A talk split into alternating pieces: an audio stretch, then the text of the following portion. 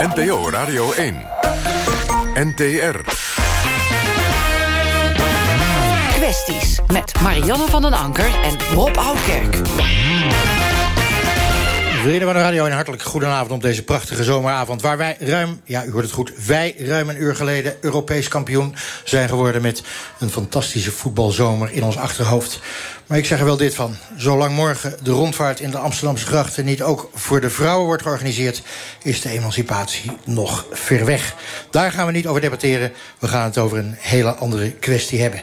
U kunt meekijken met ons. Wij zitten lekker buiten bij jongerencamping Dennenoord. Uh, meekijken kan via de app of op radio1.nl. En met ons meediscussiëren zoals gebruikelijk via Twitter. En gebruik dan de hashtag kwesties. Zoals gezegd, jongerencamping Dennenoord. Dat is vlak bij Deventer. Apeldoorn. Het is in ieder geval een heel eind rijden, maar iedereen amuseert zich hier uh, aardig. Wij gaan met jongeren praten over hun uiterlijk. Maar iets meer dan dat. Massaal bezoek aan de sportschool, leven op groentesappen... en meer shinen door steeds meer bezoeken aan cosmetische chirurgen. Zijn we aan het doorslaan? Of hoort het nou eenmaal bij deze tijd? En is het zelfs een plicht om er zo goed en mooi mogelijk uit te zien? Of is het allemaal flauwekul? Daarover zo meteen. Maar eerst naar collega Marjan van Anker. Die is in Amsterdam. En die praat met een bezorgde moeder. Marjan. Ja, ja, Rob, dat uh, klopt. Ik zit hier met uh, moeder Hester Zitvast. Die trouwens ook voor het vrouwenkatern van de Telegraaf werkt. En zij vindt dat veel van die mode- en lifestyle-bloggers en vloggers... hun verantwoordelijkheden niet genoeg nemen. Ze hebben een enorme invloed op pubers... die vaak uh, zoekend zijn en uiterst onzeker. Mama Zitvast heeft in het bijzonder een hekel aan het gedrag van vloggers... als bijvoorbeeld Koen Kardashian, alias Koen Pieter van Dijk. In Niet lullen maar poetsen legt Koen uit... waarom hij zelf bijvoorbeeld aan botox doet. Mensen zeggen wel eens tegen ons van... ja, waarom doe je het nou? En dit en dat, je bent toch prachtig? En wat, wat, wat, is er, wat is er voor nodig? Maar ik zeg, ja, als je een wit huis laat bouwen... en het staat er vijf jaar, is het nog steeds prachtig... maar wordt het wel vaal. Dan kan je het beter weer mooi wit sausen. Nou, dat doen wij ook. Hester, jij bent moeder van drie kinderen... waarvan jouw dochter van 13, die hier ook bij zit... veel naar vloggers kijkt. Beautyvloggers. En uh, nou ja, dat heeft een behoorlijke invloed op haar leven. Jij moet het allemaal maar zien te rooien als opvoeder. Uh, wat vind je nou precies zo storend aan het fragment... wat we net hebben gehoord? Uh, ja, dat, dat is uh, toen op televisie geweest. Hè? Niet lullen, maar poetsen. Ja, dat het een hele jonge jongen is met een volstrekt glad voorhoofd... die een drama maakt van iets wat echt nog geen drama is. En de manier waarop dat gebracht wordt... Zo van, nou, het is gewoon hip, het is leuk om dat te doen. Ja, dat vind ik stuitend. Het is, het is prima om, om het te doen, maar wel als het nodig is. En niet omdat het een soort leuk uitje is met vrienden... even een spuit in je voorhoofd zetten. En dat krijgen die kinderen dan wel mee. En heeft dat invloed uh, op jouw dochter? Nee, gelukkig op mijn dochter niet. We hebben het daar ook wel over. En uh, ze heeft een goed stel hersens waar ik heel blij mee ben. Maar ja, ik denk dat dat uh, op heel veel kinderen wel invloed heeft. En misschien later ook wel op haar. Dat, dat weet je niet. Je hebt, uh, Hester, een open brief geschreven aan deze vloggers... met de titel... Vloggers, beperk jullie alsjeblieft in je filmpjes de naalden een beetje. Waarom? Omdat ik vind dat je daar echt een stap uh, te ver mee gaat. Die meiden die zijn zo jong die die vlogs kijken.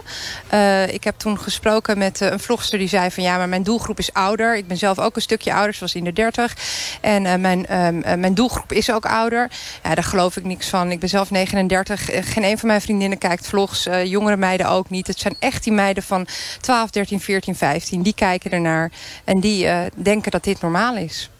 We hebben het in ieder geval ook aan een aantal jongeren zelf gevraagd. Um, met name natuurlijk of dat zij datgene wat vloggers en vlogsters hen vertellen... ook echt heel serieus nemen. Of ze het allemaal aannemen. Naar beautyklas. Ja, dat was het. Ik vind het wel grappig hoe ze altijd uh, de make-up doet. Om het zelf ook uh, uit te proberen. Dat vind ik raar. Ja, vind ik niet leuk. Ik vind dat niet leuk om naar te kijken. Dat boeit me niet. En jij? Nee, ik hoor niet. dat kan me echt helemaal niks schelen. Nee. Ja, je moet jezelf gewoon blijven en niet gaan kijken naar hoe hun leven en het zelf gaan doen. Ja, dat ik nu naar Monica Geuze en zo kijk. Omdat ik dat grappig vind om naar te kijken, maar niet standaard of zo. Niet echt uh, om na te doen of zo. Um, ja, het ligt eraan wat voor advies het is. Het is zeg maar, uh, als het bijvoorbeeld om beauty of ik veel wat gaat, nou, dan, dan neem ik liever dat advies aan. Maar als het om uh, uh, ja, radicale dingen, of ja, ik weet niet, al, ja, al, dat, al dat gedoe, dan luister ik toch wel meer naar mijn ouders. Dus ja. Ik, ik kijk alleen Liza Kosi. Um, ja, ik vind haar heel grappig. Ze doet allemaal van die onnozele dingen in supermarkten en zo. En allemaal leuke opmerkingen en ik vind het gewoon leuk. Nou, je moet altijd goed luisteren naar je moeder wat dat betreft. Want die heeft echt de goed, de beste, de beste beautyrijmen. Nee, niet echt. Maar ja, ik weet niet. Ik denk dat je van alles een beetje mee moet pakken. En dan uh, kom je wel bij een goede badge terecht. Perfecte combinatie. Dus ja. Het zijn in ieder geval nog een flink aantal uh, kinderen, jongeren eigenlijk... die best heel goed begrijpen dat datgene wat er wordt gezegd... door al die vloggers niet heel serieus te nemen valt. Dus Hers, wat dat betreft kun jij ook gerustgesteld zijn. Je hoeft niet meer op te voeden. Ja, fijn. Dan uh, doen de vloggers dat. dat is wel handig. We gaan uh, natuurlijk zo direct verder praten over vloggers die hier ook bij ons staan. We hebben Elio Heres, we hebben Ro en Blind. Jullie gaan straks met ons het debat aan. Maar we gaan eerst maar eens even met z'n allen naar Londen, naar Andy Houtkamp. Want het is natuurlijk hartstikke spannend vandaag. Heel veel sportieve activiteiten. Niet alleen op het gebied van voetbal, maar ook met de 100 meter. Andy Houtkamp in Londen. Atletiek, inderdaad, dankjewel. En uh, even voor Rob. Morgenavond is er een rondvaart van de dames voetballers in Utrecht nog wel. Dus dat zit ook wel goed. En over Utrecht gesproken, Daphne Schippers. De dame die uh, zo goed is in de sprint 100 en 200 meter. Zij werd tweede twee jaar geleden op de wereldkampioenschap in Beijing op de 100 meter. En werd wereldkampioen op de 200 meter. En nu staat ze in de halve finale van de 100 meter op dit wereldkampioenschap. En uh, staat zo goed als klaar om te gaan starten. Om die 10 seconden, nou bijna 11 seconden, zo snel mogelijk af te leggen. Want uh, ze loopt in baan 6. De eerste twee van deze eerste halve finale gaan door, sowieso door naar de finale. Er zijn drie halve finales. Dus drie keer twee is zes. En dan blijven er nog twee over. En die gaan op tijd door. 60.000 mensen in het uh, stadion. Queen Elizabeth Park in uh, Londen zien dat Daphne Schippers er klaar voor is. En ook de Engelse favoriet Neta. Die loopt in baan 4. Uh, baan 2 Kellyanne Baptiste uit en Tobago. Simon Facey uit Jamaica. Neta uit Groot-Brittannië. DJ Stevens, een snelle Amerikaanse. Daphne Schippers in baan 6. Talou, Ivoriaanse in baan 7. De Bulgaarse Lalova in baan 8. En Levi Jura Levi uit Jamaica loopt in baan 9. Ik ben heel benieuwd wat Daphne kan. Ze is sterk, ze is goed. Ze heeft dit seizoen zich een beetje verstopt, maar wel een nieuwe trainer. En die opbouw is helemaal geweest naar dit wereldkampioenschap. Hier moet het gebeuren op de 100 en de 200 meter. En eventueel ook nog op de 4 keer 100 meter. Maar eerst vanavond dus de halve finale die ze nu gaat lopen. En later vanavond tegen 11, 10 voor 11 ongeveer, zal de finale worden gelopen. En met Daphne Schippers. Dat hangt er dus vanaf of ze meteen bij de eerste twee komt... of dat ze op tijd doorgaat. Ik ga er zelf vanuit dat die eerste twee wel moeten kunnen. En dat uh, weten we over ongeveer 12 seconden. Want de dames zitten er klaar voor. De grootste concurrente zit in baan 7. Marie-José Talou. 10.86 heeft hij gelopen. Het Nederlands record 10.81. En uh, de dame van 1,78 meter en 62 kilo, 25 jaar jong... hoeft weinig aan haar uh, lichaam te doen. Want dat is al perfect qua postuur en bouw. Want het is een geweldige sprinster. Zij is een van de sterren hier op dit wereldkampioenschap. Samen met mannen als Usain Bolt en... Uh, die werd gisteren overigens derde in een geweldige race. Maar nu gaan we kijken naar Daphne Schippers die er klaar voor zit. De vingers, handen achter de startlijn. En dan gaan we kijken hoe snel ze start vaak een probleempunt. Ze zijn weg. En ze is ah, wel goed weg hoor. Dat uh, komt wel goed. Want in het tweede gedeelte loopt ze altijd nog harder. En inderdaad is het Talou die heel snel weg is. Schippers wordt tweede. En gaat direct door naar de finale. Later vanavond de winnende tijd. Is trouwens uh, wel een hele goede van Talou. 10.87. Schippers tweede. Maar sowieso later vanavond in de finale.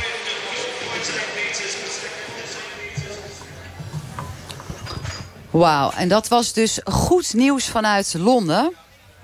Wij praten hier over heel wat anders dan sport. Namelijk over uiterlijk en de verantwoordelijkheid die vloggers al dan niet hebben op dat kinderleven. Met name zoekende kleine kleinere kinderen eigenlijk. 12, 13, 14, 15 jaar. Die zijn erg onder de indruk van wat vloggers doen. We hebben hier zo'n vlog. Ziet er prachtig uit. Elia, roze broek. Prachtig roze uh, uh, gecombineerd met paars. Stippeltjes. Het is allemaal één grote geweld. Een strik om. Een heel mooi goud. Prachtig centuurtje met een hart erop. Jij bent vlogger YouTube-kanaal, inmiddels 400 abonnees. Jij wil zelf een rolmodel zijn. Heb jij in de gaten hoeveel invloed vloggers hebben op het leven van jonge kinderen? Uh, ja, in hoeverre zou dat in de gaten kunnen hebben, denk ik. Als we het hebben over cosmetische ingrepen, is het denk ik pas legaal vanaf 18. Ik weet, dat weet ik zelf niet. Ja. Ja, vanaf 18 mogen kinderen ook wat aan zichzelf laten verbouwen. Althans, jongeren zijn dat dan natuurlijk niet meer, maar zijn ze volwassenen. Ja, nou ik denk dat sowieso dat je, als het cosmetische ingrepen gedaan worden... dat dan lange termijn goed overdag moet worden. Wat de gevolgen daarvan zijn. Ik weet dat de hersenontwikkeling sowieso duurt tot je 25e, 20e ongeveer. Dus vanaf dan lijkt me een handige keuze dan pas. Maar ja, tot die tijd lijkt me de verantwoordelijkheid van een ouder... om in te spelen op wat kinderen zien online. Want je kan moeilijk als ouder, omdat jij een kind te bepalen voor een ander... wat hij wel of niet mag doen, omdat jij een kind hebt gekregen. Uh, Hester zit vast, je hoort het. Uh, de vlogger Elio Heres zegt... ja, jij moet het echt zelf uitzoeken en zelf doen als ouder. Ja, ik denk dat je daar als ouder zeker een heel belangrijke rol in hebt. Daar mag je ook niet voor weglopen. Maar je kunt gewoon niet alles zien en meemaken wat, ze, wat zij kijken online. Dat, dat is gewoon niet te doen. Dus dan denk ik, ja, weet, weet wel wat je ze toont. En uh, ze mogen het inderdaad pas vanaf 18. Dus wat dat betreft uh, valt het allemaal wel mee. Maar als je ze tot hun 18e laat zien dat het heel normaal is... om je lippen op te spuiten, uh, je voorhoofd plat te botoxen... dan denken ze vanzelf, oh, nou ja, dat moeten we dan ook maar gaan doen. Nog los van allerlei gezellige sluikreclames die erin zitten... waarbij ze ook weer van alles nog wat willen laten kopen. Ja. Ja, daar heb, ja, op zich heb ik daar dan weer wat minder moeite mee.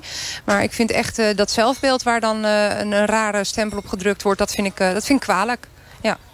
Roman, je bent ook actief op social media. Je bent ook programmamaker, bekend van allerlei hairstijlzaken. Wat vind jij, verantwoordelijkheid van vloggers of van ouders? Um, ik vind het een gedeelde verantwoordelijkheid. Kijk, als uh, YouTuber, vlogger, influencer, hoe je het ook wil noemen... heb je nou eenmaal een podium. Um, waarschijnlijk wilde je dat podium, ben je er achteraan gegaan. Dus doe dan in mijn hoofd zou het zeg maar, logischer zijn om dan ook verantwoordelijke of slimme dingen te doen met zeg maar, zo'n groot podium dat je krijgt. Uh, tegelijkertijd natuurlijk, het blijft een verantwoordelijkheid van ouders. Maar ouders uh, zijn niet 24-7 bij hun kinderen. Ze zijn er niet bij wanneer kinderen op school zijn met vriendjes, vriendinnetjes praten, spelen, wat dan ook, wat ze dan te horen krijgen. Dus ik denk dat het te makkelijk is om als YouTuber te zeggen van boeien, ouders moeten het doen. En als ouder is het te moeilijk om het alleen te doen. Kijk, nou, jij zit in het middenweg, Elio. Ik denk dat het misgaat bij dat er aangeleerd wordt dat je moet doen wat normaal is. Of wat andere mensen doen. Je moet doen wat je zelf wil. En daar gaat het denk ik, dat moet je als ouder meegeven. Als je dat meegeeft, dan neemt die kind uiteindelijk zelf een overwegen keuze om cosmetische ingrepen te doen voor zichzelf en niet voor een ander. Dat is wat je moet aanleren. Dan maakt het eigenlijk niet uit wat ze ziet bij YouTubers. Maar weet je zelf nog hoe je was toen de hormonen door je lichaam gierden? Hoe zeker was jij van je zaak? Nou, gelukkig niet zeker genoeg, maar het mag ook nog niet vanaf, vanaf daarvoor. Dus dat maakt eigenlijk dan niet zo uit. Dus jij zegt alleen maar omdat die grens van 18 er is om je te laten verbouwen... om te botoxen, je oren te laten veranderen, wat dan ook, je borsten te laten veranderen... Uh, is het geen ramp, want daarna ben je volwassen. Dan zou ik toch zeggen, pak het punt van Hester beet. Die zegt, ja, maar het heeft wel degelijk invloed. Dus het zelfbeeld van kinderen gaat eraan. Ja, met zelfbeeld zou dus aangeleerd moeten worden dat je moet doen iets voor jezelf. Omdat jij het mooi vindt. Niet omdat iemand in YouTube dat heeft gezegd dat je het moet doen. Esther, hoe doe jij dat aan de keukentafel? Ja, dan ben je wel je publiek kwijt. Want die kinderen doen echt alleen maar wat jullie doen. Wat jullie aan make-up gebruiken, wat jullie aan kleding aan hebben. Ze vinden dat echt geweldig. Ja, dat vonden wij vroeger ook uh, met, uh, wat wij op tv zagen. We liepen ook allemaal in dezelfde kleren. En ja, natuurlijk, je hebt hele sterke karakters die hun eigen weg al bewandelen als ze dertien zijn. Maar het merendeel loopt toch allemaal achter elkaar aan. Dat is gewoon zo. Ja. Robin? Ja, ik wilde even op reageren, want we hebben het nu steeds over kinderen. En kinderen doen het na. Maar laten we ook vooral de volwassenen niet vergeten. Er zijn genoeg jongvolwassenen, ook iets ouder volwassenen... die nog steeds video's kijken. Uh, als een uh, vlogger of YouTuber iets draagt of iets koopt... dan is het de volgende dag bij wijze van spreken uitverkocht. Dus ook als je ouder bent, word je nog steeds beïnvloed... door, bewust of onbewust, door wat je ziet op tv, op internet, waar dan ook. Um, en ook daar ligt dan, denk ik, toch wel enige verantwoordelijkheid bij zo'n influencer... om misschien enigszins een disclaimer disclaimer te geven van wat je doet. Want jij bent hopelijk ook goed geïnformeerd als influencer. Dus waarom zou je die info dan ook niet aan je volgers meegeven? Doe je dat zelf ook, zo'n disclaimer daarbij? Um, nou ja, vooralsnog heb ik nog niet van dat soort ingrepen laten doen, uh, publiekelijk. En als ik het zou filmen, dan zou ik denk ik wel zeker wel meegeven van... yo, ik heb hier goed over nagedacht, zeg maar voordat alle uh, opmerkingen komen van... Uh, wat doe je, en je verpest dit of je verpest dat en waar ben je mee bezig? Dat ik wel de voor's en tegens zeker wel zou belichten. Elio Heres, we hebben het ook gezien bij Monica Geuze. Die heeft zich laten botoxen. Ehm, geen disclaimer erbij gezet. Ze heeft een prachtig lichaam, is hartstikke jong... en laat toch de gezicht vol botox. Had ze zo'n disclaimer erbij moeten doen wat jou betreft? Sowieso, dat wel. Ja, die verantwoordelijkheid moet je wel nemen. Maar ik denk dat het belangrijk is om een tegengeluid te laten horen... dat we niet moeten kijken naar YouTubers en moeten doen wat zij doen... maar dat je gewoon moet doen wat je zelf doet. En daarom ben ik een kanaal begonnen om te, mensen te leren van... doe wat jij voelt, doe wat jij mooi vindt... en doe het niet omdat een andere doet. Dus het is inderdaad zo dat je een influence hebt, dat je een influence hebt... maar die kan dus ook zijn dat je iemand anders bijbrengt... dat je iets moet doen voor jezelf. Maar dat is echt jouw handelsmerk, hè? Uh, worden wie je bent, zijn wie je bent. Uh, Hester, jij zit er natuurlijk toch maar gewoon als uh, opvoedmevrouw. Uiteindelijk uh, met al die sores aan jou in jouw gezin. Zo'n disclaimer, zou dat helpen?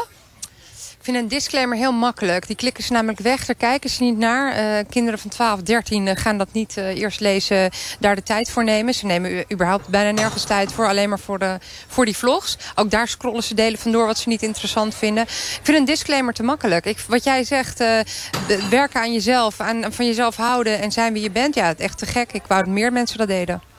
Um, andere routes dan? Want uh, vloggen en vlogger zijn, blogger zijn is ook gewoon een nieuw vak.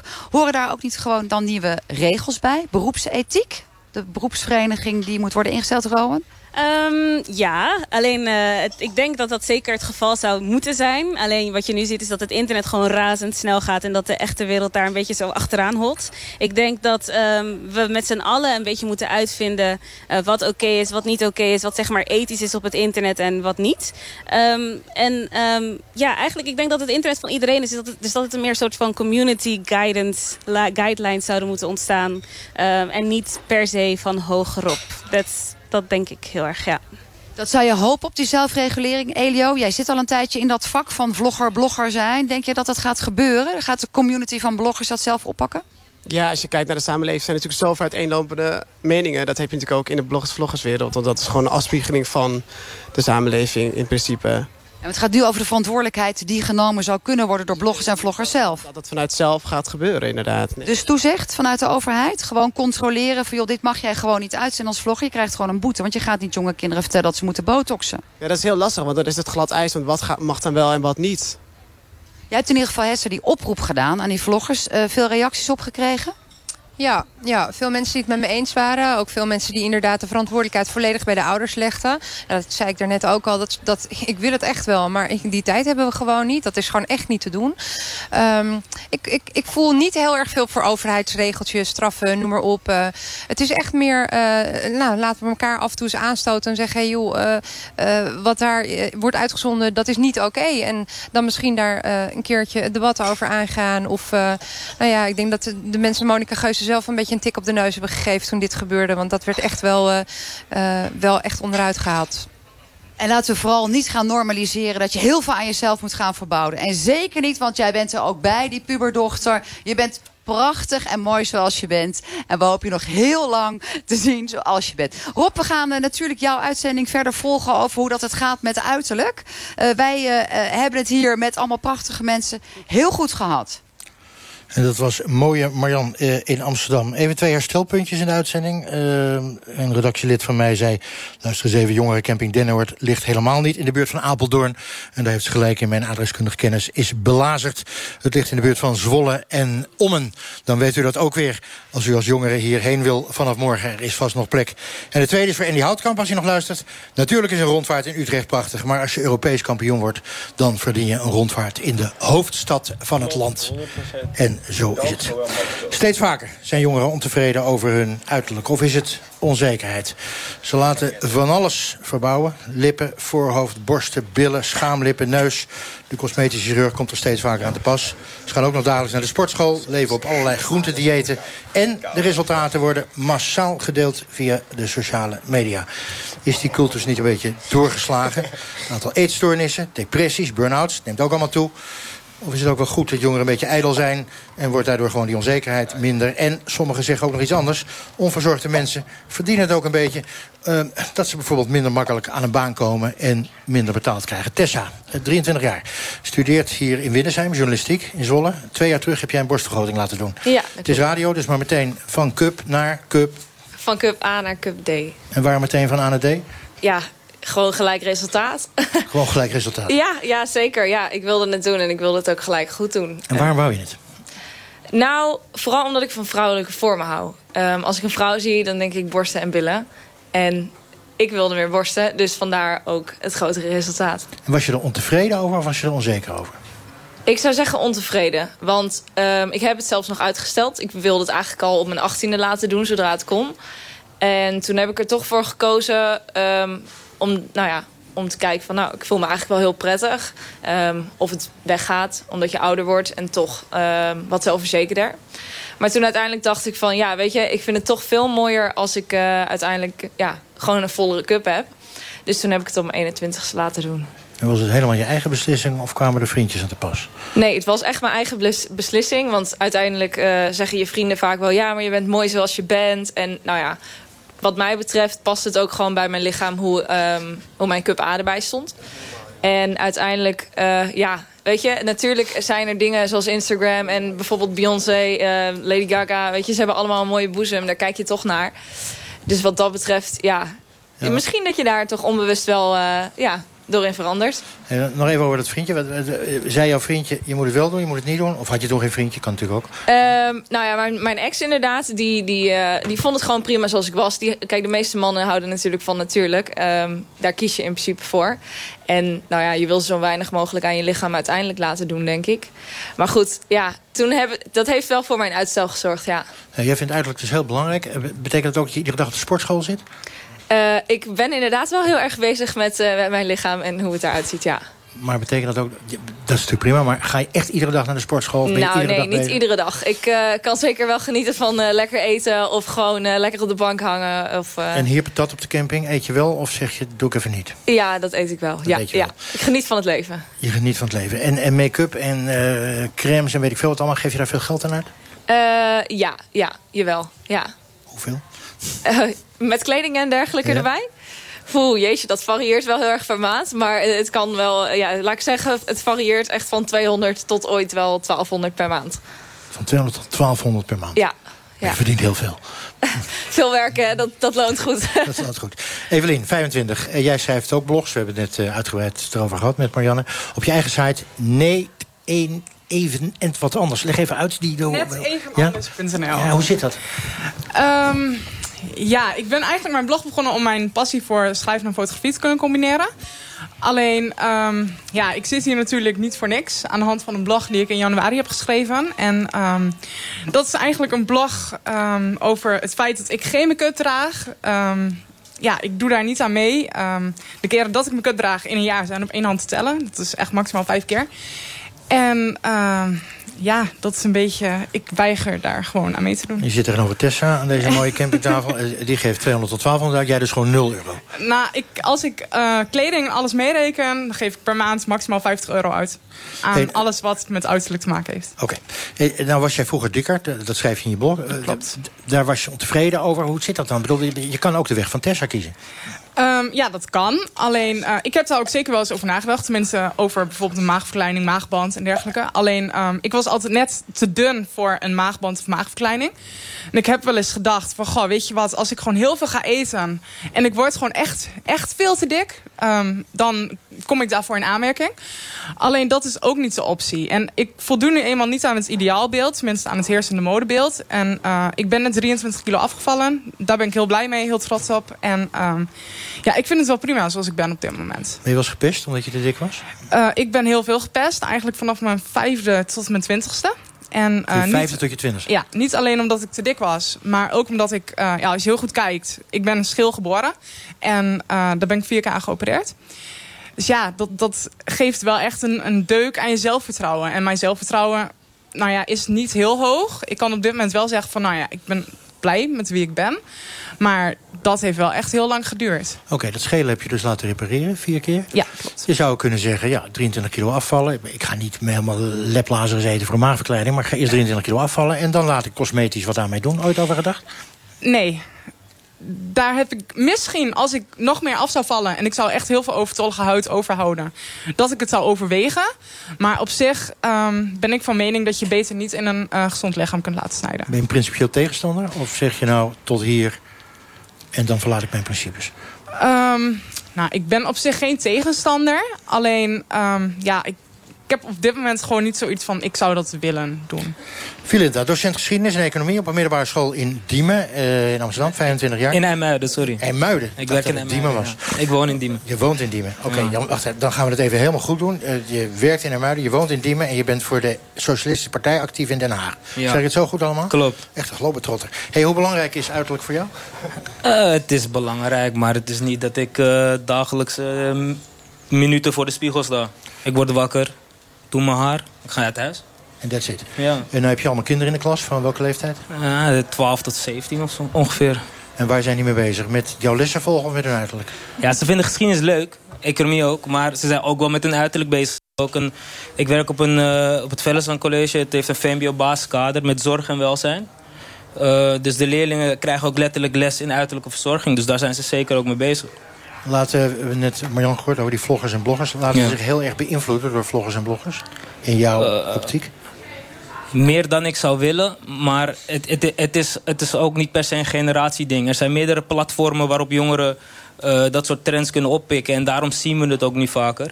Maar ik moet wel eerlijk toegeven, als ik aan mijn leerlingen vraag... wat is voor jou, aan de, aan de boys of aan de meisjes... wat is voor jou je ideale partner... is het niet iemand met een verfporum. Dat is het gewoon niet. Het is gewoon iemand die er natuurlijk schoon uitziet. En door middel van uiterlijke verzorging kan je gewoon je zelfvertrouwen opboosten. Maar het is niet essentieel. Het is niet dat ene ding waardoor je zelfvertrouwen hebt. Verfporum. Ja. mooie IJmuidense uitdrukking. Um, verfporum, dat is iemand die zwaar is opgemaakt. Die, ja. um, die uh, gebotoxd is. Die iets, uh, ja, dat soort. En jij zegt, dat moet je eigenlijk niet doen. Dat zeg ik niet alleen. Nee, dat is mijn leerling ook. Ik heb, ik heb wel eens dat soort gesprekken. Dat vind ik de fijnste gesprekken. Gewoon over het leven. Ja. Eigenlijk veel leuker dan geschiedenis en economie. Uh, veel leuker dan, ja. We hebben iemand aan de telefoon. Flavio, goedenavond Flavio. Goedenavond. Hallo, Bueno Divo is jouw bijnaam, hè? Dat betekent toch goede god? Of heb ik dat verkeerd uh, um, in mijn Latijnse kennis uh, vertaald? Uh, zo zou je het inderdaad kunnen zeggen. Nou ja, Divo staat natuurlijk voor het mannelijke variant van diva, hè. Het, het, het, het is toch wel goed uitgesproken en goed uitziende vrouw. En uh, die, die in de modewereld uh, grote naam heeft. En uh, ja, dat heb ik toen zo vertaald naar Divo, dus de mannelijke variant daarvan. Oké. Okay. nou dan kunnen wij jou, op de radio is het sowieso moeilijk, mensen zien, we kunnen jou helemaal niet zien. Beschrijf eens hoe je eruit ziet, je gezicht. Bedoel, kan ik aan jou zien dat jij um, heel erg met je uiterlijk bezig bent? Uh, dat kan je zeker wel zien, inderdaad. Ik, uh, ik heb uh, zeker zelf ook nog geen um, plastische chirurgie ondergaan. Maar ik doe wel zeker wel wat aan mijn haar, aan mijn wenkbrauwen, mijn baard, een beetje een tanning. Um, dus daar, daar zorg ik wel allemaal voor dat dat allemaal on point is in mijn dagelijkse leven, zeker. En je tanden? nou, dat is best wel grappig. Ik zit er heel lang over na te denken om facings te nemen. Um, omdat ik uh, niet zo heel erg tevreden ben over de vorm van uh, hoe mijn tanden staan. Ik heb toen ik wat jonger was um, ook geen beugel gehad. Wat misschien wel nodig zou zijn geweest als ik het nu zie. Um, dus dat is wel iets wat ik, waar ik over na zit te denken inderdaad. Want daar ben ik namelijk niet zo heel erg tevreden mee. Oké, okay, nou heb jij fashion en design gestudeerd. Je ontwerpt je eigen kleding, tassen. Je bent ook fashionblogger. je hebt een Portugese achtergrond. Zijn Portugezen eigenlijk, even aardrijkskundig meenemen... zijn die meer met hun uiterlijk bezig dan Nederlanders of minder? Ik denk wel meer. Ik denk wel meer. Ik denk dat het ook wat te maken heeft waarschijnlijk met... Niet alleen maar met het klimaat wat zo'n land heeft natuurlijk. Maar ook um, ja, met de manier van verzorging. Ik denk dat de Portugezen net een beetje ja, te vergelijken zijn als de Fransen. Die willen natuurlijk wel mooi voor de dag komen. En aan een andere laten zien dat ze het goed in het leven hebben. En uh, ik denk dat dat zeker wel in de Portugese straten goed te zien is. Zeker weten. En die Nederlanders vind jij maar kaaskop? Of laat ik het genuanceerder vragen. Vind je dat jongeren om je heen voldoende aandacht aan hun uiterlijk besteden? Nou, ik vind dat het meer mag. Ik vind dat het meer mag. Ik denk dat het fenomeen, doe maar normaal, dan doe je al gek genoeg. Hè. maar Flavio, meer mag of meer moet? aan het uiterlijk besteden? Meer. Ja, maar meer mag, hè? want dan is het nog vrijwillig. Of vind je dat, dat mensen dat gewoon moeten doen? Dat is... Oh nee, ze moeten het zeker niet doen hoor. Laat uh, alsjeblieft voor zichzelf kiezen uh, wat ze wel en niet goed vinden. Alleen, uh, zoals ik zie wat ik op straat zie, mogen ze zeker wel iets meer aandacht eraan geven. Ja. In plaats van een be bewijzen van een slordig knotje, omdat het even makkelijk is om even snel om de hoek toe te lopen. Ik denk, ook, ook al ga je op, om de hoek slechts om even een boodschapje wil je er ook wel even op dat moment er goed uitzien, denk ik. Ja, dus niet een joggingbroek aanschieten en een slordig knotje. Ik leer een hoop vanavond trouwens. Um, Nee, Hey, en, en die mensen die er nou onverzorgd uitzien met zo'n slordig knotje of zo'n joggingbroek, eh, eh, heb je die wel in je vriendenkring? Oh, die heb ik zeker. Die heb ik zeker. Maar wat ik ook al net al zei, kijk, degene moet voor zichzelf bepalen wat goed is. Ik kan daar alleen maar mijn mening over geven. Ik kan alleen maar aangeven van dat ik het niet zo nodig vind. Maar die heb ik zeker wel in mijn vriendenkring, ja. Oké, blijf aan de lijn. Eh, het is eh, 2,5 over half negen op deze prachtige eh, zomerdag... waarin wij Europees kampioen werden en Daphne Schippers de finale haalde. En als u denkt, waar ben ik in beland geraakt? Eh, wij zijn aan het debatteren over hoe belangrijk uiterlijk is voor jongeren... en of al die gangen naar plastisch chirurgen en naar voedingsklinieken... en naar sportscholen, of dat allemaal wel terecht is. Even, eh, we hebben het even over emancipatie gehad... tussen het mannenelftal en het vrouwenelftal. Mannen zijn bezig met een soort inhaalrace... als het gaat om kleding en cosmetica. Maar er blijven wel verschillen. Luister maar even naar dokter Liesbeth Woertman. Zij is hoofddocent psychologie aan de Universiteit van Utrecht. Je bent meer vrouw, om het grof te zeggen, eh, naarmate je eh, mooier gevonden wordt. Dus je vrouwelijkheid is heel sterk gekoppeld aan je schoonheid. Terwijl bij mannen mannelijkheid veel sterker gekoppeld is aan eh, status. Tessa, voel jij dat ook zo? Dat jij beoordeeld wordt op je schoonheid... en mannen meer op wat ze bereiken in de maatschappij? Eh, ik denk dat het inderdaad wel anders is inderdaad. Vrouwen denk ik, die, ja, die worden gelijk op uiterlijk bekeken. En ik denk dat je met meer schoonheid ook wel meer kans kan hebben, ja. Evelien, klopt dat? Ik denk dat ze wel enigszins gelijk heeft. Alleen, ehm, ja, dat is eigenlijk ook hetgene wat ik probeer te veranderen. En hoe wil je dat proberen te veranderen? Ehm, daar ben ik helaas nog niet zo goed uit. Alleen, ik denk dat er meer mensen op moeten staan om ehm, die zeggen van... Ja, weet je, niet iedereen is, eh, voldoet aan het huidige modebeeld.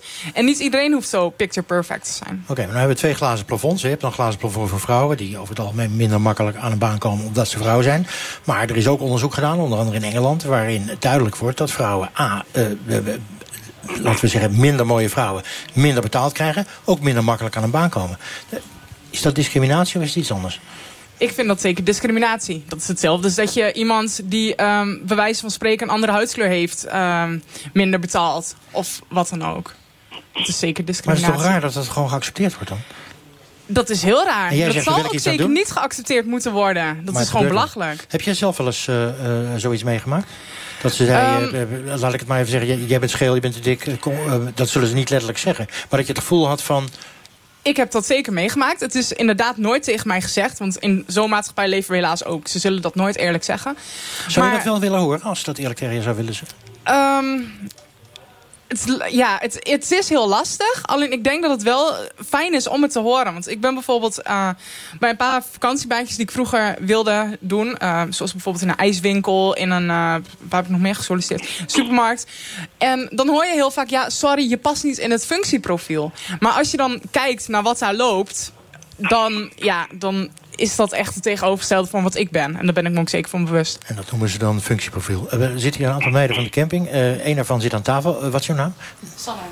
Eh, als je dit nou hoort en je hoort eh, een soort discriminatie... ehm, eh, wat is dan jouw reactie daarop? Wat denk je dan? Nou, ik vind het zeker discriminatie. Want ehm, iedereen heeft gewoon een goede functie. Eh, of nou, iedereen heeft zijn eigen kwaliteiten. En het gaat echt niet om het uiterlijk, vind ik zelf. Want iedereen is zo goed, goed zoals eh, de persoon is. Maar bij vrouwen speelt dat blijkbaar wel een rol en, en bij mannen dus niet. Ja, nou, Want er dat, zijn voldoende lelijke mannen die hoge banen hebben, toch? ja, nou vast wel. Maar Dat- wat is dan dat- het voordeel als je weet dat... Zegt de mannelijke jongere hier op de camping. Wat is je naam? John. John. Ja. Ja, zeg het maar. Maar wat is dan het voordeel als je bijvoorbeeld hoort via de- als jij een sollicitatiegesprek hebt en je hoort van ja, je, bijvoorbeeld je bent te dik in het schil, niks persoonlijks, maar je hoort van je bent te dik in het schil, maar wat is dan het voordeel voor jou als je dat persoonlijk hoort? Want je zegt net van ja, ik, eh, hij vroeg aan jou van zou je dat persoonlijk willen horen? En jij zegt ja, ik zou dat wel willen weten als bazen dat over mij denken. Maar wat is dan het voordeel voor jou als je dat denkt? Het is op zich geen voordeel misschien. Misschien is dat een beetje een rare bewoording. Alleen, ehm, ja, ik vind het gewoon wel zo eerlijk wanneer mensen dat zouden zeggen. En ik snap heel goed dat ze, dat ze mij niet zouden willen kwetsen in dat eh, opzicht. Maar ehm, ja, we leven nou eenmaal in een maatschappij waar het heel veel helaas is gebaseerd op uiterlijk. En ja, ik vind gewoon dat ze dat dan zouden moeten Maar zeggen. wat schiet je daar zelf persoonlijk dan mee op? Als, jij als jij toch al afgewezen wordt van de functie waar jij op solliciteert... wat maakt er dan uit wat de precieze reden daarvoor is? Ondanks dat het uitmaakt of je, om een persoonlijke inhoud, zeg maar. Dan, als je al afgewezen bent, ben je toch al afgewezen. Dan maakt het toch niet uit wat de reden daarvoor is? Nou, dan weet ik in ieder geval zeker dat ik nooit en ten nimmer in dat bedrijf zou willen werken. En je, Ja, kan, en je kan waarschijnlijk naar de rechter stappen. Uh, Vilinta, Ja. wat is ja? Sorry. Ik moest even een microfoon switchen. Maar waar, het hier over gaat is dat... Ik ben het erover eens dat, dat, dat zelfvertrouwen... dat is belangrijk voor de jongeren. Maar wat denk ik belangrijker is... is dat we realiseren dat vloggers hebben een maatschappelijke verantwoordelijkheid. Zoals, zoals ik als docent een maatschappelijke verantwoordelijkheid heb. Zoals de media eentje heeft. En als zij zich niet daaraan houden... Ja, dan, dan er is jarenlang gebitcht over eh, de hip-hop en de rap scene... dat ze te agressief waren en dat ze te dit, te dat. Maar het punt was, dat was wel een werkelijke straatcultuur... die in muziek uit, eh, tot uiting kwam. Maar wat die vloggers doen, is een onreëel beeld... als realiteit vertellen. En als je dat niet erbij vertelt dat het ieder zijn eigen ding is... ja, dan, dan ben je gewoon fout bezig volgens mij. Helemaal met je eens. Thanks man. Zelf vind ik ook dat ehm, vloggers ook echt een hele grote invloed hebben over jongeren. Zoals op Instagram, ehm, YouTube. Ze laten alleen het perfecte beeld zien. Ze, je kan niet buiten de video zien wat eh, achter die video omgaat. Stel, er is iets heel heftigs aan de hand. Dan gaan ze niet allemaal mededelen. Dan gaan ze bijvoorbeeld faken alsof alles goed is. En dat is heel slecht voor de jongeren, vind ik zelf. Flavio, Flavio, jij bent zelf een vlogger. Eh, Voel jij maatschappelijke verantwoordelijkheid om de realiteit te laten zien... in niet alleen maar het mooie, eh, spannende uiterlijk of allerlei cosmetiek? Uh, ja, zeker. En uh, dat, uh, dat doe ik ook wel eens regelmatig in, in, in, in mijn blogs. En zeker ook in mijn Insta-feeds, op mijn social media natuurlijk. ik laat niet alleen maar het, het, het, perfecte beeld zien. Ik laat ook gewoon zien hoe dingen af en toe ook gewoon fout kunnen gaan. Maar dat maakt het juist heel erg leuk. Ik denk ook zeker voor een lezer of voor een kijker is het veel boeiender als hij daarin af en toe even een foutje in ziet. Dan dat het alleen maar uh, hè, op een goede lijn moet, uh, moet gaan. En denk je dan dat jongeren daar genuanceerder naar kijken... en niet denken, ik stap uh, lineair recht naar de plastische rug... voor een botox spuit of een andere ingreep? Ik denk het niet. Ik denk het niet. Ik denk dat, de, dat, dat um, ja, tieners nu de tijd dat heel mooi kunnen filteren van... Kijk, je kan iemand als inspiratiebron hebben, maar je hoeft degene niet per se te kopiëren. Je hoeft niet per se degene te willen zijn. Het is juist leuk dat als je naar iemands werk kijkt, dat je denkt van wauw, dat vind ik wel tof. Daar ga ik uh, naartoe werken, maar dan hè, niet eens zozeer met een spuitje van operatie. Oké. Okay. Uh, Tessa, je had het net over uh, Instagram en over allerlei andere social media -hmm. en over Beyoncé. En volgens mij gebruik jij Carter als achternaam ja. op je Instagram. Dus dat, dat geeft ook wel een verwijzing. Nou, nou heb je je borst laten vergroten van ja. A naar D. Hoe ver zou jij gaan? Wat, wat, wat, wat ga jij nog meer doen? Nou, ik probeer wel mijn gezonde verstand te gebruiken. Ik, uh, ik vond het daarvoor ook altijd belangrijk... Um, dat je wel kijkt naar, naar hoe ver je kunt gaan. Kijk, weet je, als je duizend dingen aan jezelf laat verbouwen... wanneer wordt het mooi, wanneer wordt het perfect? Tot hoe ver wil je gaan? Um, daarnaast zijn er natuurlijk mensen in je omgeving... die je ook daarvoor zullen waarschuwen. En ik vind het deels ook wel um, een belang van artsen. Zoals ze tegen mij zeiden... waarschijnlijk ga je heel snel aan die Cup D wennen... en wil je waarschijnlijk nog groter. Dat is inderdaad wel iets waar je bewust van moet zijn... omdat je constant maar meer zou willen. Maar jij, jij gaat, om, om het rijtje af te gaan... jij gaat niet denken, goh, mijn buik wordt wat dikker... want ik heb iets te veel van die patat uh, genomen... dus ik ga ze in de buikwand Natuurlijk zijn er dingen inderdaad die je misschien denkt van... oh ja, ik zou, ik zou al benieuwd zijn... bewijs van uh, hoe het eruit zou maar, zien. Moet hoe het rijtje, maar ga het rijtje even met je af. Ik bedoel, Ja. dat, dat lijkt me... Billen, ga je er iets aan doen? Nee, nee. Er aan Nee. doen? Uh, gezicht, ogen, rimpels? Nou, ik zou misschien later, omdat het in de familie zit... misschien wat aan mijn ogen of zo willen doen. Maar die ogen of- een beetje gaan hangen? Ja, ja precies. Oké, maar dat is toch iets anders, hè? Dat is, dat is dan toch meer iets medisch? Of eh, is dat ook echt ja, heel ja, vanuit dat perspectief inderdaad wel. Maar bijvoorbeeld een keertje je lippen op laten spuiten. Je bent gewoon benieuwd. Vooral omdat het tegenwoordig zo normaal eh, wordt gemaakt. En komt die nieuwsgierigheid dan voort uit het feit... dat je heel veel van die vlogs en blogs ziet... en we hebben allerlei mooie dingen om je heen? Of is, heb je het echt van jezelf? Eh, nee, dat is inderdaad wel een beetje nieuwsgierigheid. Als je kijkt, ik bedoel, eh Anna Nushin van Ensemble... die heeft het ook tijdelijk geprobeerd. Ja, weet je, dan zie je op een gegeven moment het resultaat... als je het een keer probeert, want je bent er benieuwd naar. En ik denk, als je het dan toch wel heel mooi vindt... dat je denkt van, nou, weet je, dan, dan kan het ook wel. Want ja, hè. Hebben het even over, eh, althans Marianne had het erover... de leeftijdsgrens heb 18 jaar. Dan tot 18 moeten die ouders mee beslissen. En daarboven kan je eigenlijk doen wat je wil. Moet die, eh, dat zeggen heel veel mensen... moet die leeftijdsgrens volgens jou naar 21? Ik denk het niet. Ik denk eigenlijk wel dat je vanaf je achttiende eh verstandig genoeg bent om dat te kunnen beslissen. Met name dingen die je al langer in je leven wilt. denk ik dat je die al wel voor je achttiende kunt. Maar ik zeg altijd wel van doe het gewoon niet overhaast. Dat is We- belangrijk. We hebben het de mensen op straat ook gevraagd... of zij vinden dat die leeftijd voor cosmetische ingrepen... verhoogd moet worden naar 21 jaar. Eh, ja, 18 is denk ik een mooie leeftijd. Ben je volwassen en ehm, als je er al lang mee rondloopt en ja, niet happy bent, dan ehm, waarom niet? Ik denk dat het eh, niet verkeerd zou zijn om de leeftijd naar 21 te doen. Ik denk dat je dan eh, wat ouder, volwassener, levenswijzer bent om dat soort beslissingen te nemen. Dan kunnen mensen er even rustiger over nadenken wat ze willen. Want nu worden ze vaak van buitenaf beïnvloed. En doen ze dingen waarvan ze misschien later spijt hebben. Ja, dat is moeilijk om te zeggen. Ehm, als het een, een cosmetische ingreep die ehm, ja, medische problemen oplost, dat vind ik een ander verhaal. Maar ja, moeilijk om te zeggen. Eh, nee, ik vind 18 heb je al een goede leeftijd om na te kunnen denken of je dat wil of niet. Voor mij mag het eh, 18 blijven. Ja, het ligt er denk ik aan of er schadelijke gevolgen van zouden zijn. Als die er niet zijn, mm, denk ik ook, waarom niet? Moet je zelf eten. Dat uitgelubberde ding eh, mag wel eventjes ge- gehalveerd worden. Is dat omdat je het zelf niet mooi vindt? Of vindt jouw partner daar ook nog iets van? Het fietsen. Dan zit je zeg maar, op je zadel en dan flubberen ze. Dan moet je ze echt maar even zo richten. Dat is gewoon onhandig. Lach je nou? Heb je dat nooit gehad dat je schaamlip in de weg zit? Eh, ik zou het zeker naar 21 doen en misschien nog wel naar 25. Ik weet dat ik zelf, eh, toen ik eh, jonger was, een navelpiercing had. En ik ben ontzettend blij dat die er gewoon weer uit kon. Ontzettend blij dat hij er weer uit kon. Even over die schaamlippen die er overheen flabberden of zo. Ik kon niet helemaal volgen. Even nog naar Tessa. Medische redenen zijn natuurlijk andere redenen dan cosmetische redenen. Ja, absoluut. Ik Maar, waar, maar waar ligt die grens? Want kijk, je kan zeggen, bij die schaamlippen, dat is wel een duidelijk verhaal. Ehm, maar iemand kan zeggen, ja, eh, ik word zo onzeker van mijn cup C-borsten, ik wil naar D. Ja. Is die Eh, onzekerheid dan ook een medische reden? Of moet zo iemand met een psycholoog gaan praten? Hoe zit dat? Nou, daar is volgens mij wel een verandering in geweest. Ehm, want vroeger inderdaad, als je cup A of iets had... dan was het inderdaad van, ja, weet je, ik heb te weinig en ik heb het niet gekregen. En daardoor ben ik onzeker. En nou ja, dan, dan betaalde je verzekering het. Maar ik denk inderdaad dat dat meer een kwestie is van psychische, psychische klachten. En dat inderdaad, ja, dat is gewoon een andere kant van, eh, van de medische kant. Maar het is een grijs gebied. Ja, dat, maar ik denk ook dat het zal blijven. Maar dat is ook altijd het lastige. Ik denk dat je gewoon pro- moet proberen er zo open mogelijk over te praten met bijvoorbeeld familie. Vilinta, jij legde net de verantwoordelijkheid onder andere bij die bloggers en vloggers. Zegt, hè, die hebben net zo'n verantwoordelijkheid als alle andere eh, maatschappelijk actieve mensen.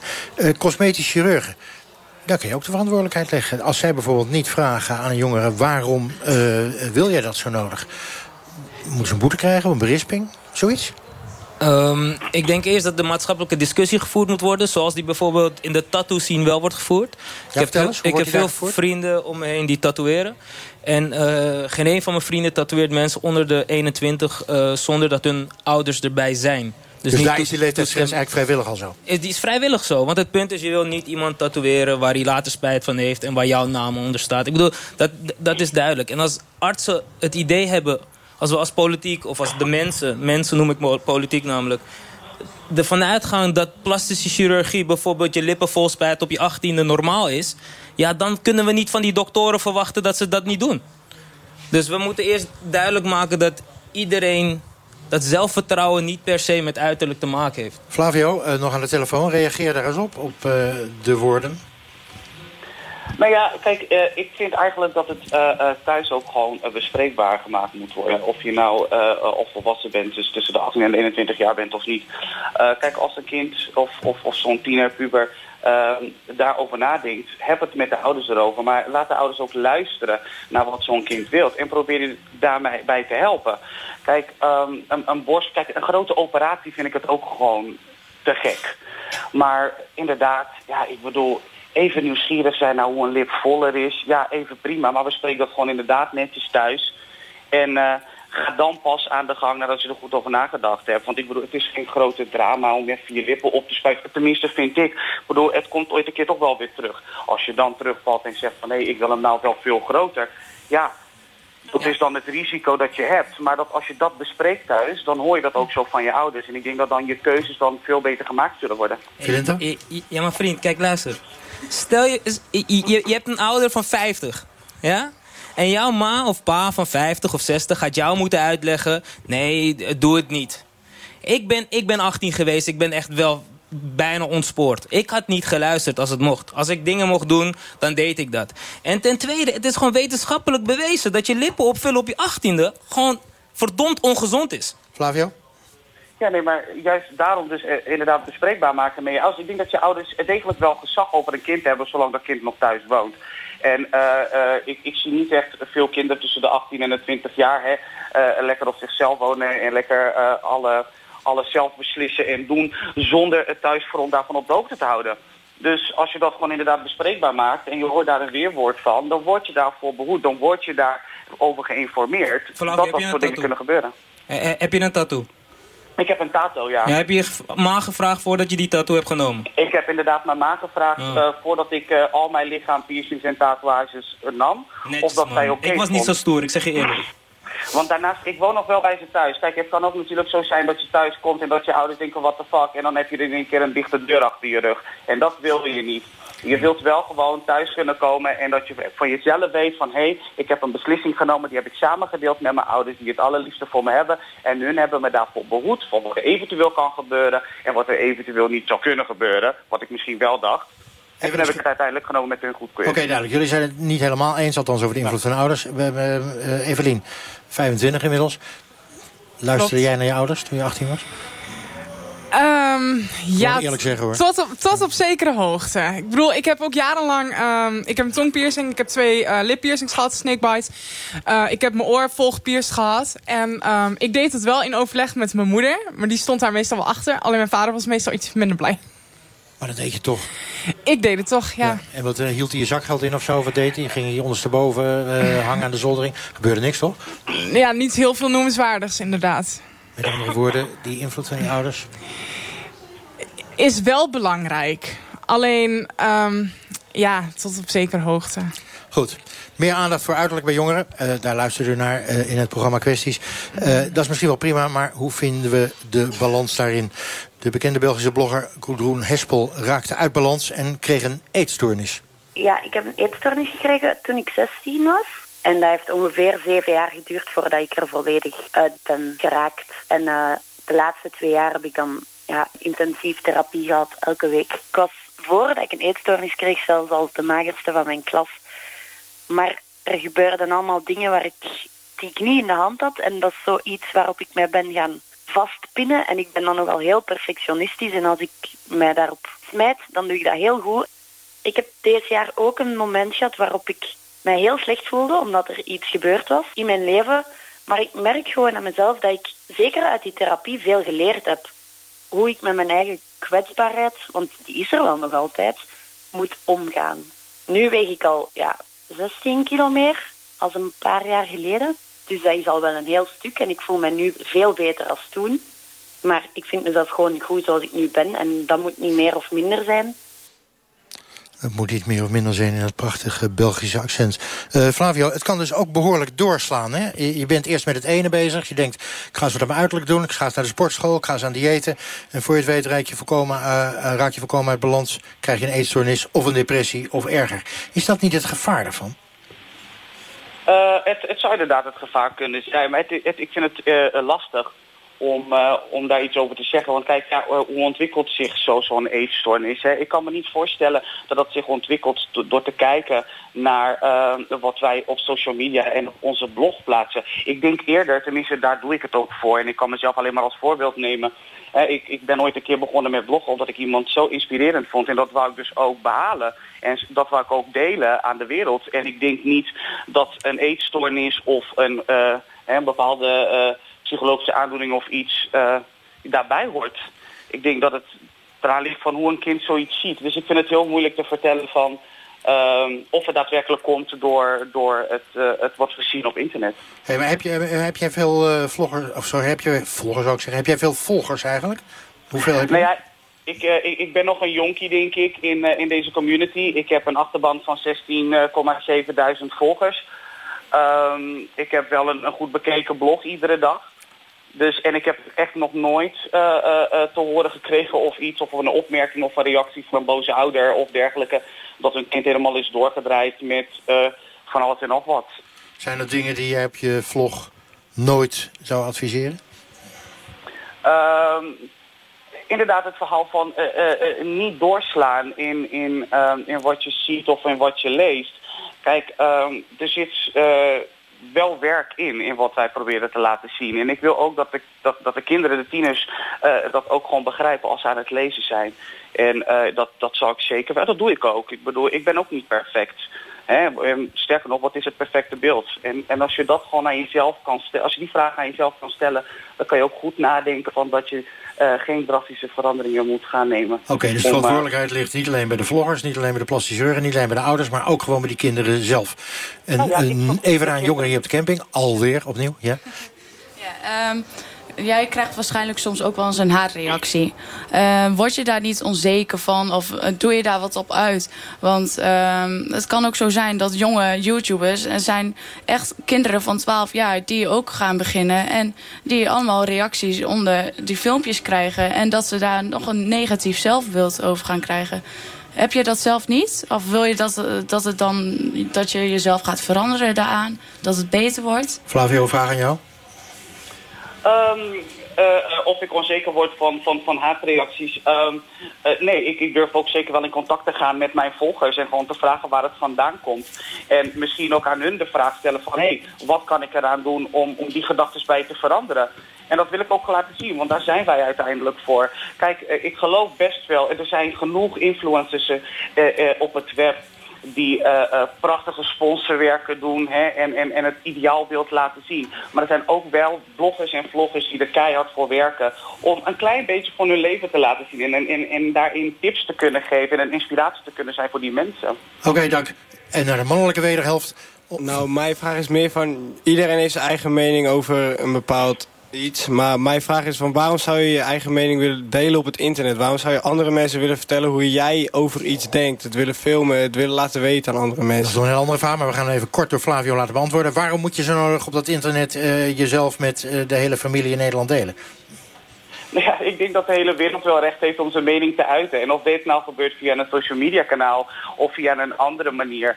Uh, ik vind dat inderdaad belangrijk. Ik vind dat we lekker met elkaar moeten sparren om te kijken waar we elkaar ergens in kunnen verbeteren omtrent ons werk.